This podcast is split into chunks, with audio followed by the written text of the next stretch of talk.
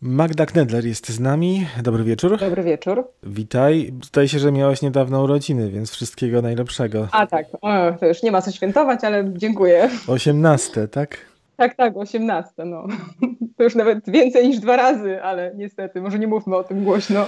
Już ci to mówiłem kiedyś. Trudno za tobą nadążyć, bo rozmawialiśmy parę miesięcy temu o dwóch książkach. Teraz kolejna. To wynika z wewnętrznego przymusu pisania, czy z uwarunkowań rynkowych? Te odstępy u mnie są dosyć duże, bo jakby rozmawialiśmy w marcu, tak?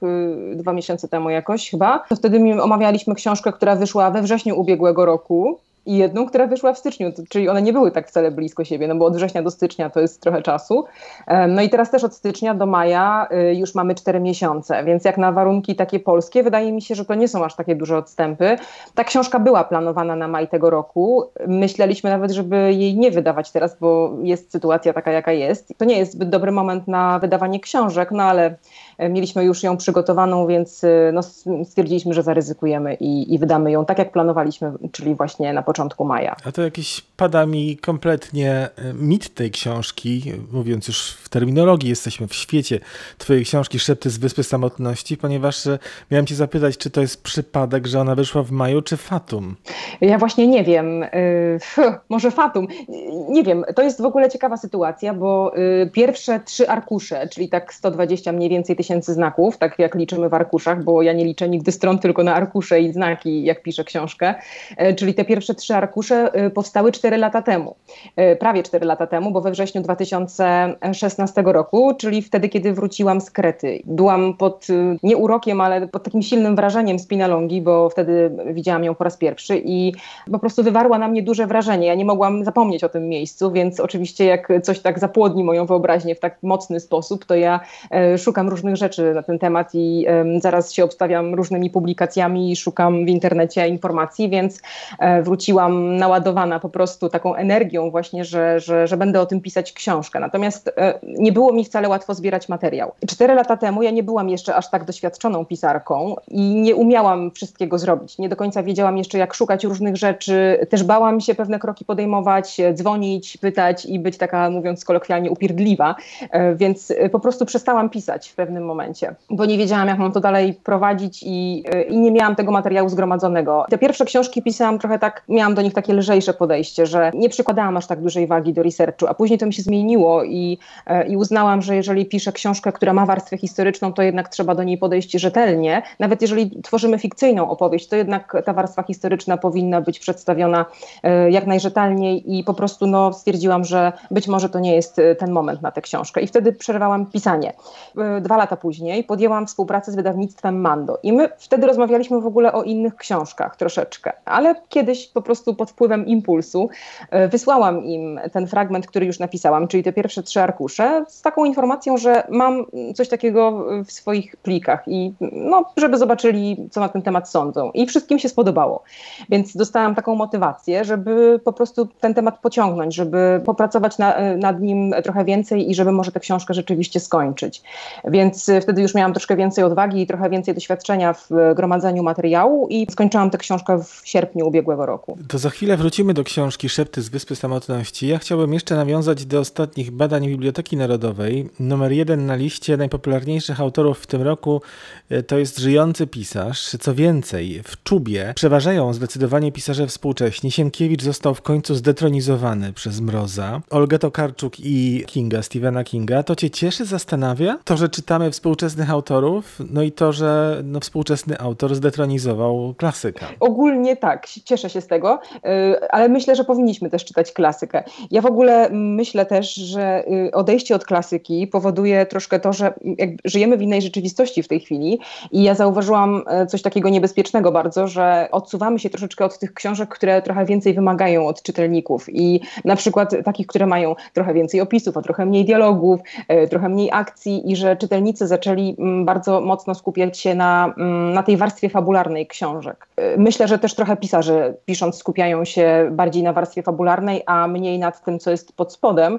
I szkoda troszeczkę. Myślę, że gdybyśmy częściej wracali do tej klasyki, i ja tu nie mówię tylko o Sienkiewiczu, bo akurat ja nie jestem wielką fanką Sienkiewicza i ja to mówię wprost, nigdy nie byłam. Już bardziej tutaj Prusa bym forsowała, żeby jednak czytać bardziej Prusa niż Sienkiewicza, ale uważam, że trzeba by było do tej klasyki wracać. Dla mnie klasyką też jest na przykład Kawka, nie tylko Sienkiewicz, ale na przykład właśnie to całe dwudziestolecie międzywojenne i modernizm i uważam, że ta literatura właśnie była tak pisana, że niekoniecznie głaskała czytelnika, tylko dawała mu tak trochę więcej pracy nad tekstem. Ja nawiązuję do tych badań, bo chcę też po prostu zapytać Ciebie o te czasy pandemiczne e, w kontekście takim życiowym, realnym, codziennym pisarki, ponieważ z tych badań wynika również, że 98% tego, co czytają ludzie, to papierowe książki, do czego się przyznają, tak? A e-booki to tam było 6%, ja nie wiem jak oni to liczyli, to chyba nie zliczało się do 100%. W każdym razie jest to ogromna przepaść. I ta pandemia musiała cię jakoś też e, jako pisarkę trochę dotknąć być może, bo dostęp do tych papierowych książek jest trochę mniejszy jednak niż kiedyś, teraz. Dlatego właśnie bardzo wiele premier zostało przesuniętych. E, wiem, że kilka moich koleżanek miało mieć też premierę w tym samym dniu, kiedy właśnie wyszły Szepty z Wyspy Samotności i te premiery zostały przesunięte, więc ja jestem jedną z takich nielicznych autorek, autorów, którym te premiery oryginalne zostały teraz na maj, e, bo to rzeczywiście no, nie jest e, dobry czas i też mm, no właśnie dostęp do papieru, w ogóle mniej ludzi chodzi do księgarni. Zamówić można przez internet też, ale myślę, że troszeczkę też w związku z tym, że czujemy jakieś takie zagrożenie ekonomiczne, no to ludzie też troszeczkę inaczej, wydaje mi się, planują wydatki, więc książki też na tym na pewno ucierpią. Powiedziałaś, że jednak zdecydowaliście się na tę majową premierę. Niech zgadnę dlaczego. Dlatego, że na jesień planujesz kolejną książkę. A, mam nadzieję, że nie wyjdzie w tym roku ta książka. Ojej, czy ja mogę powiedzieć, powiedzieć, co to będzie za książka. Możesz, ale ja wiem, może to na końcu powiemy, a najpierw porozmawiajmy o szeptach. Dobrze, dobrze. Premiera jesienna była związana z innym wydarzeniem, którego nie będzie w tym roku, więc yy, dlatego o to chodzi, tak, że tutaj mam nadzieję, że ta książka po prostu nie wyjdzie. Mam nadzieję, że ona nie wyjdzie teraz. Magda, czytając tę najnowszą książkę, yy, oczywiście wrócimy do tamtej na końcu naszej rozmowy, ta yy, najnowsza powieść y, tak zainspirowała mnie do swoistego podsumowania, oczywiście w bardzo nieudolny sposób stylu Magdy Knedler. O, o nie. I na emeryturę już mogę wtedy pójść. nie, może rozwijać albo jeszcze coś dodać do tego. Mhm. Czyli mamy tak, psychologizujący opis postaci, mhm. jakaś często zagadka jest kanwą opowieści, więc tutaj takie twoje korzenie kryminalne, bo zaczynałaś od kryminałów, zostały w jakiejś formie. Być może. No i mamy też element historii, historyczny element. Nierzadko pojawia się retrospekcja w twoich książkach. Mhm. Wspomniałbym jeszcze oczywiście w kontekście całej twojej twórczości roli bohaterek kobiecych. Zresztą w kontekście tej nowej książki również. Y, one jednak przeważają zdecydowanie, ale to akurat jest naturalne w przypadku pisarek i to nie tylko współczesnych, ale i klasycznych. Ale zauważ tu jedną rzecz. W tej książce jest przewaga męskich narratorów. Jedna recenzentka zauważyła bardzo fajną rzecz i cieszę się, bo tylko ona jedna zauważyła to, że mimo, że opowiadają mężczyźni, e, czyli w tym wypadku Talos, e, Timios i Mirek, to oni opowiadają o kobietach, prawda? Dokładnie tak. Mhm. Dlatego mówię, że, że to ciągle jest książka o kobietach. Tak. Tym razem opowiadają mężczyźni i właśnie tutaj tylko w jednej recenzji to było zauważone, co się bardzo ucieszyłam, bo ja wiesz, czasami wkładam coś do książek i jakby czekam, aż ktoś to zauważy, no bo dla mnie, jeżeli nie zauważa nikt, to jest taka informacja, że ja chyba coś jednak nie tak zrobiłam. Natomiast jeżeli zauważa ktoś, no to już jest fajnie, bo, bo nie wszyscy muszą zauważyć, prawda, bo każdy inaczej odbiera książkę, inaczej ją czyta, ale cieszę się zawsze, jeżeli jest jakaś, jakaś, jakaś taka grupka osób, które zauważyły te moje takie nawiązania i takie triki techniczne, bym powiedziała. I tutaj właśnie e, ucieszyłam się, jak to zostało zauważone, że właśnie mimo, że narratorami są mężczyźni, no to jednak kobiety są w centrum i tak jakby ci mężczyźni są takimi troszkę marionetkami, prawda, tych, tych kobiet. To kobiety pociągają tutaj za sznurki w tej historii, mimo że mężczyźni ją opowiadają. Zwłaszcza te takie trzy kobiety, które przędą nić życia, nić losu. Powiedziałaś, że pomysł na tę książkę przyszedł jakiś czas temu podczas y, podróży do Grecji na Kretę i na tę Spinalongę. Było trochę książek o tej wyspie i o tym tamtym świecie. Jedna. No tam trochę jeszcze tam znalazłem. Wiktoria Hislop chyba taka naj, tak. najsłynniejsza, tak? Najbardziej popularna. Mhm. Chciałaś opowiedzieć swoją historię o tej Spinalondze. Co takiego cię w niej zafascynowało? Ja w ogóle nie wiedziałam, że jest taka książka. Nie znałam tej powieści, bo ja w ogóle nie wiedziałam, że jest Spinalonga. Pojechałam na Kretę nie wiedząc o tym, że jest tam Spinalonga I to naprawdę, no, jest to jakiś przejaw ignorancji mojej, ale e, zbierałam, a czy zbierałam, nie, inaczej. Przygotowałam się inaczej do tego wyjazdu w ogóle. Skupiłam się bardziej na, na Heraklionie, tam na Juktas, na tych rejonach właśnie bardziej związanych z, z archeologią, a mniej skupiałam się na Spinalondze. W ogóle nie wiedziałam, że jest takie miejsce. I, i przewodniczka mi o tym powiedziała po prostu, że, że jest taka wyspa i że ona mi bardzo poleca, żebym ją zobaczyła, bo naprawdę warto. I wtedy dopiero zdecydowałam się tam pojechać. Tak, ja czasami tak mam, że muszę czuć chemię z miejscem. Czasami oglądam, jest fajnie, podoba mi się, ale nie czuję klimatu. E, a tutaj tak mną szarpnęło dosyć mocno i, i nie mogłam tak jakby wyjść stamtąd w ogóle. Cały czas kręciłam się w kółko i cały czas oglądałam to samo. No po prostu to miejsce, ta historia zrobiła na mnie duże wrażenie i tak naprawdę dopiero też później zaczęłam zgłębiać właśnie ten temat. I wtedy dowiedziałam się, że jest taka książka jak Wyspa Wiktorii Hislop i dopiero wtedy ją przeczytałam. Ja też zawsze poznaję inne teksty, jeżeli chcę o czymś napisać, a wiem, że na ten temat już powstały jakieś teksty, to ja czytam je, bo nie chcę napisać takiego samego, chcę napisać swój własny, zawsze, a czasami można wpaść na taki sam pomysł, niechcący zupełnie e, i wychodzi coś podobnego, dlatego ja zawsze się zapoznaję też z tymi tekstami, które powstają na temat różnych innych takich miejsc, które ja bym też chciała obrobić literacko, więc e, jeżeli wiem, że taki tekst istnieje, to czytam go, żeby też wiedzieć właśnie, jak to ktoś inny poprowadził. To jest chyba czas w naszej rozmowie, żeby powiedzieć słuchaczom jasno, że na Spinalondze istniało w latach 1903-57 leprozorium, czyli kolonia trendowatych. Mhm, no właśnie. Taki ciekawy i jednocześnie taki przykry epizod w historii tej wyspy. Mhm. I na tej playliście, bo powiedziałeś, że czytasz książki, ale również y, oglądasz filmy, y, na tej playliście, która towarzyszyła ci przy pisaniu, przy tworzeniu i przy myśleniu o książce Szepty z Wyspy Samotności są również filmy dokumentalne. Też później do nich dotarłam. E, francuski film dokumentalny z lat 70. i z lat 30. film też francuski. E, ale one dotyczą innych rzeczy, tylko że no właśnie, też e, zahaczają o Spinalongę. Znaczy ten, ten późniejszy jest, dotyczy Spinalongi, a ten wcześniejszy Kreta bez bogów, no jest o Krecie po prostu. To jest taki dłuższy film, ale tam jest jeden fragment poświęcony właśnie Spinalongi i on chyba jest dostępny na YouTubie, z tego co, co wiem, bo ja oglądałam w całości ten film i razem z tym fragmentem właśnie o Spinalądze, ale wiem, że właśnie jest chyba też wyizolowany ten fragment i można go sobie zobaczyć na YouTubie, tylko dotyczący Spinalongi. Ale Spinalonga nie jest e, przede wszystkim jedyną czasoprzestrzenią i chyba nawet nie jest tą główną czasoprzestrzenią tej książki. Bo szepty z Wyspy Samotności dzieją się w trzech czasoprzestrzeniach, czyli mamy te Spiralonga lata 30, Kretę, a może lepiej, żeby autorka sama opowiedziała o tych czasoprzestrzeniach. Jest Kreta, ona nawet troszkę więcej niż w latach 30., y, bo tam ta akcja dalej się rozwija troszeczkę, nie? I mamy jeszcze po, później postać Marii, która ciągnie tę historię, więc tam w zasadzie jest aż do lat 50. ta Spinalonga. Ale też są inne, tak? No jest y, w ogóle Kreta, taka wioska właśnie w, w pobliżu góry Juktas. Jakby nazywam to miejsce dom z widokiem na Juktas, ponieważ narrator jest taką właśnie osobą, która nie nazywa wszystkiego wprost, e, więc ja to też tak nazwałam. Juktas to jest ta święta góra Zeusa i wszyscy mówią, że tam widać nawet jego profil, prawda?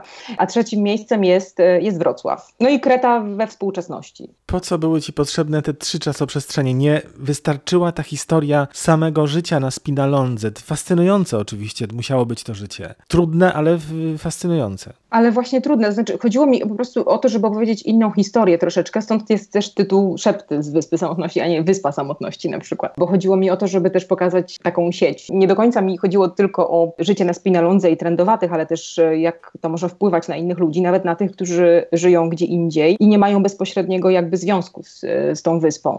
Jak ona może oddziaływać na świadomość ludzi, ale też tutaj no właśnie jest to nawiązanie do mitologii. Mamy te dwa jakby takie tropy. Y, jednym jest ten labirynt, a drugim jest mit o trzech przątkach, które przędą nici, e, nici ludzkiego żywota. No i właśnie tutaj mamy to powiązanie, prawda? Nić, która rozpina się pomiędzy tymi trzema e, czasoprzestrzeniami. No i labirynt, ta narracja, którą ja tak prowadzę troszeczkę, że co jakiś czas czytelnik trafia na jednak ślepy zaułek i musi wrócić i jeszcze raz przejść jakąś tam drogę.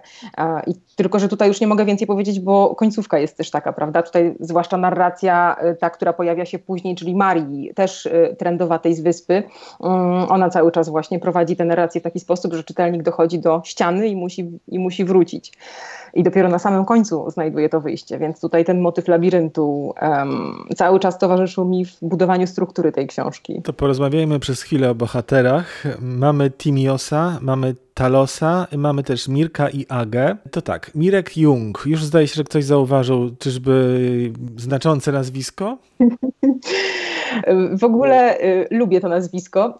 Y, lubię tak, takie nawiązania robić, ale nie, no bo on jest, y, on jest filologiem klasycznym, a Jung, którego znamy wszyscy inni, był psychiatrą, więc no ale tak, no takie wgłębianie się, prawda, w psychologię, w zakamarki ludzkiego umysłu, co też jest często błądzeniem po labiryncie, więc trochę, trochę tak, a trochę nie. Co do Timiosa, to szczerze mówiąc y, ciężko nie, mi było znaleźć. Nie ma, nie, nie, ma, nie ma. Natomiast Talos, czyli taki mitologiczny olbrzym, strażnik Krety, i to z pewnością gdzieś tam ci towarzyszyło, ale no przecież y, gdyby dodać jeszcze literę H, to byłaby rzeka ze Śródziemia Tolkiena też, natomiast e, tutaj jest czytelne jedno nawiązanie, do którego ja wprost e, się odnoszę, e, czyli Talos, no ten, którego zamordował kto? Dedal w Atenach na Akropolu, zrzucił go ze, ze skały Akropolu i dlatego Dedal musiał się wyprowadzić na Kretę, bo to jest bardzo często pomijane w, mito, w mitach w ogóle, prawda? Na przykład mit o, o Dedalu i Ikarze często właśnie opowiadany jest w ten sposób, że zaczynamy już od Krety,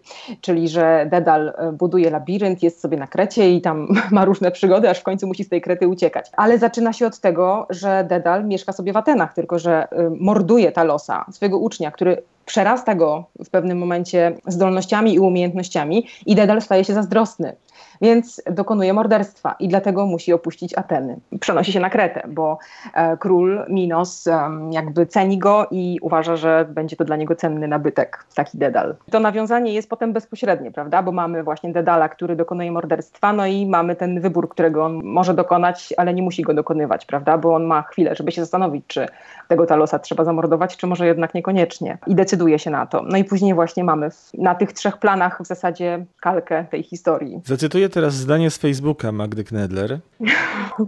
Zawsze mam lekkie obawy, co to będzie, jak wymyślę dziwną książkę. Co masz na myśli, mówiąc, pisząc dziwną książkę?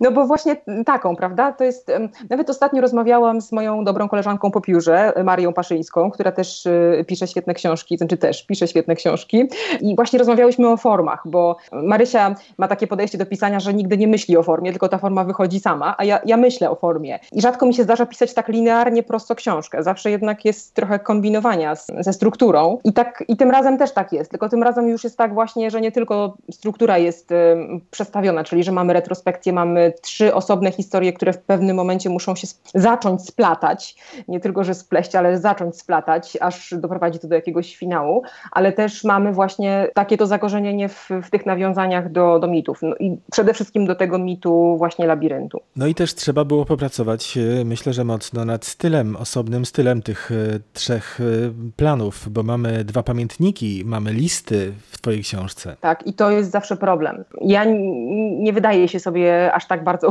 utalentowaną pisarką, e, więc zawsze jak właśnie muszę różnicować, bo no właśnie, wygodniej się pisze książkę, jak masz jednego narratora i, i linearną fabułę. To wtedy jakoś tak prosto się pisze. Ja mam taką jedną chyba książkę, Historia Adeli.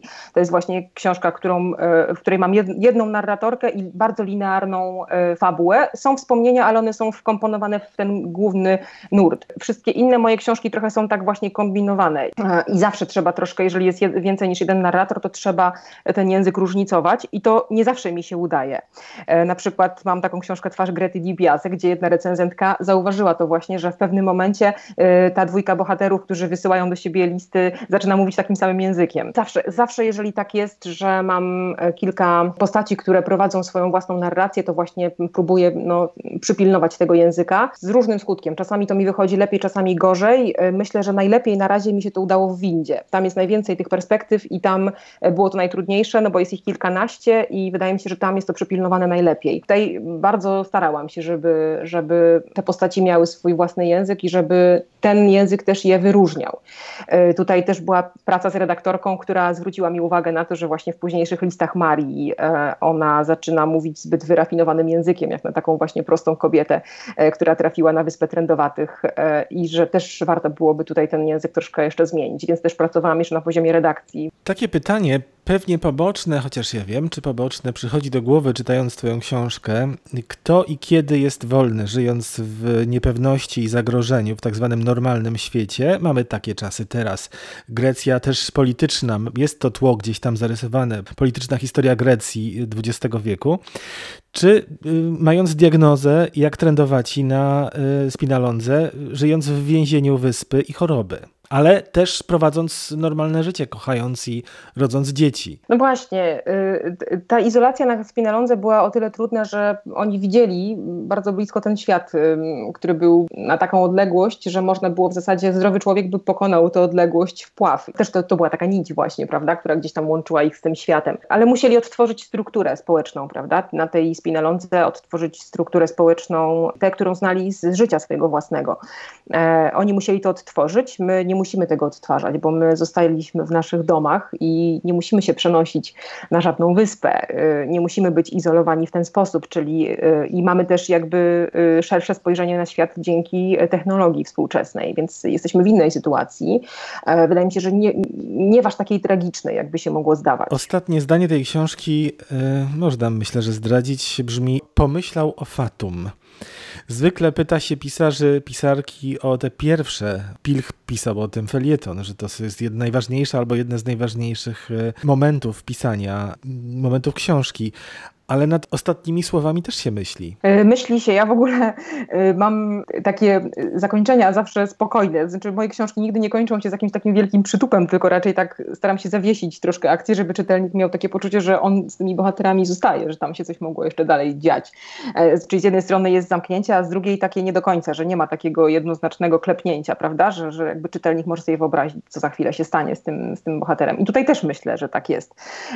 Po tym pomyślał o Fatum. Ale Fatum rzeczywiście jest w tej książce, prawda? Bohaterowie próbują coś zrobić, nadać kształt e, swoim losom, próbują robić coś ze swoim życiem, ale no właśnie wraca do nich coś coś, nie wiadomo co, klątwa, fatum, no różnie to można nazwać, prawda? Czasami tak jest właśnie, czasami tak jest w życiu. A ta kolejna książka, ta jesienna książka, to ta książka o babci, pewiaczce, czy jeszcze coś innego? Nie, książka o mojej babci to w ogóle będzie powieść i y, ja się śmieję, że zazwyczaj tak mam, że jak kończę książkę, to ona mi się nie podoba. Ja nie jestem nigdy zadowolona z tego, co napisałam i, y, i strasznie jestem krytyczna w ogóle wobec siebie, a ta książka jeszcze nie powstała i już mi się nie podoba, więc, y, bo to ja nie mam dystansu emocjonalnego w ogóle do niej, więc trudno mi się jakby myśli nawet o pewnych rzeczach, że będzie trzeba je przerobić w narrację, ale to się musi w końcu stać, ponieważ ta historia zbyt długo już siedzi we mnie, ale ja dopiero nad nią pracuję. Natomiast nie, ta książka, która miała wyjść na jesień, to jest w ogóle inna książka. Też ją już napisałam, natomiast y, po prostu siedziałam. To jest książka, która chyba najwięcej czasu na razie mi zajęła ze wszystkich książek, które do tej pory napisałam. Jakby byłam już bardzo blisko terminu oddania książki, a jeszcze nawet nie zaczęłam jej pisać.